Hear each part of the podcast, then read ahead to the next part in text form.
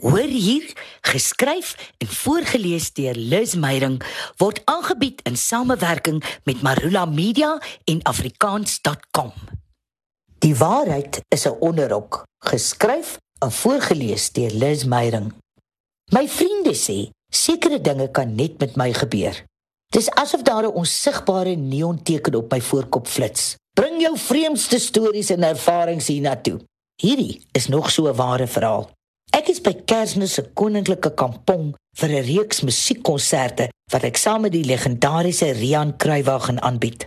Dis warm, helwarm en bedompig in die Balansberge. Na die eerste nag se kleuterrepetisies was ek laat aan my kort fyn swart onderrok wat ek onder al my skouspelagtige Thomas Thompson couturier skepings dra. Dis een van daai onmisbare items, mooi, sexy maar met genoeg onsigbare rekstof om die maag en midrif netjies plat te trek. Ek hang hier onderrok op die balkon om seker te maak dit steen môreoggend droog. Na ruk gaan vat vat ek aan die stukkie lingerie. Dis droog. Maar toe ek wil optel, gly die stukkie lap uit my hande uit en plons na benede. My hotelkamer is op die 6de vloer en dis donker donker nag, 2 uur in die oggend. Ek is doodmoeg En môre is ons weer skuins na dagbreek op vir hare en gremering voor die eerste middagkonsert begin.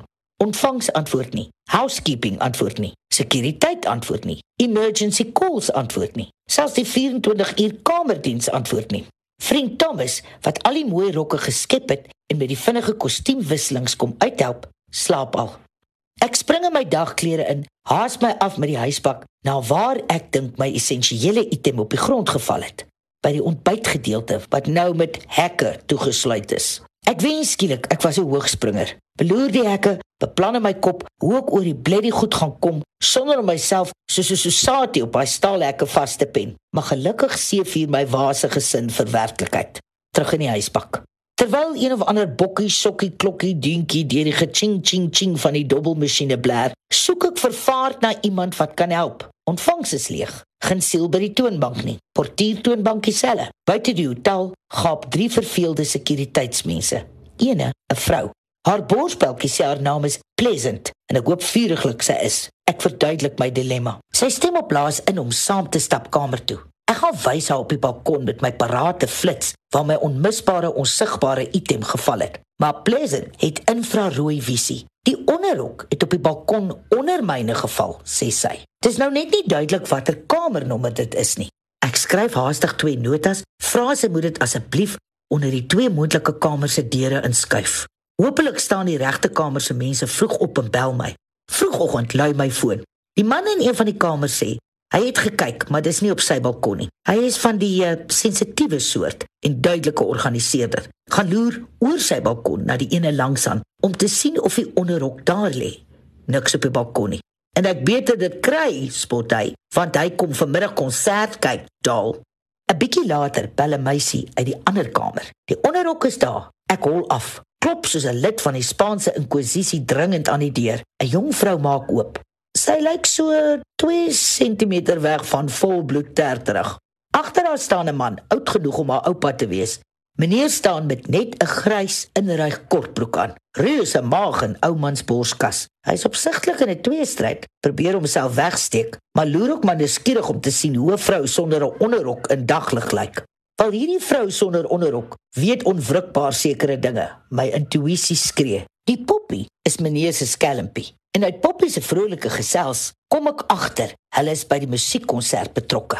Meneer is die ondergrootbaas van een van die konsert se borge. Meneer trap ongemaklik rond. Oorhandig die onderrok half skuldig. Met vir my gisterand groot moeilikheid gemaak. Mompel hy. Poppy val om in die rede. Vertel lagend verder. Sy het na hom laat laas nag kamer toe gekom. Toe sy instap, staan meneer op die balkon met 'n seksie swart onderrok in sy hande. Hoe meer hy aan sy skelmpie verduidelik dat daar nie 'n ander skelmpie by hom was nie, hoe minder glo sy hom. Die risie dreig om in 'n volskaalse oorlog te ontaard. Poppy storm deur toe en sien die nota. Toe hulle lekker opgemaak, knipoog sy en wys na 'n leë bottel soet vonkelwyn. Meneer bloos, Poppy straal. Ek bedank mooi en maak my uit die voete. Terug in die kamer, vertel ek vir Thomas wat gebeur het. Ons lag dat ons lê. Soos die gode van huwelikstrou dit wil hê, loop ek meneer nou netjies uitgevat 3 keer sonder sy popiera. Hy is immers 'n groot kop borg, maar ek sê niks. Praat hom met my oë wys, hy kan ontspan. Die waarheid is dikwels subtiel, maar lastig. Nes 'n klein stukkie onderrok wat uithang. Awe, dis 'n feit. 'n Kind wat in sy huistaal leer, leer die heel maklikste en het die beste kans om te presteer en eendag suksesvol te wees.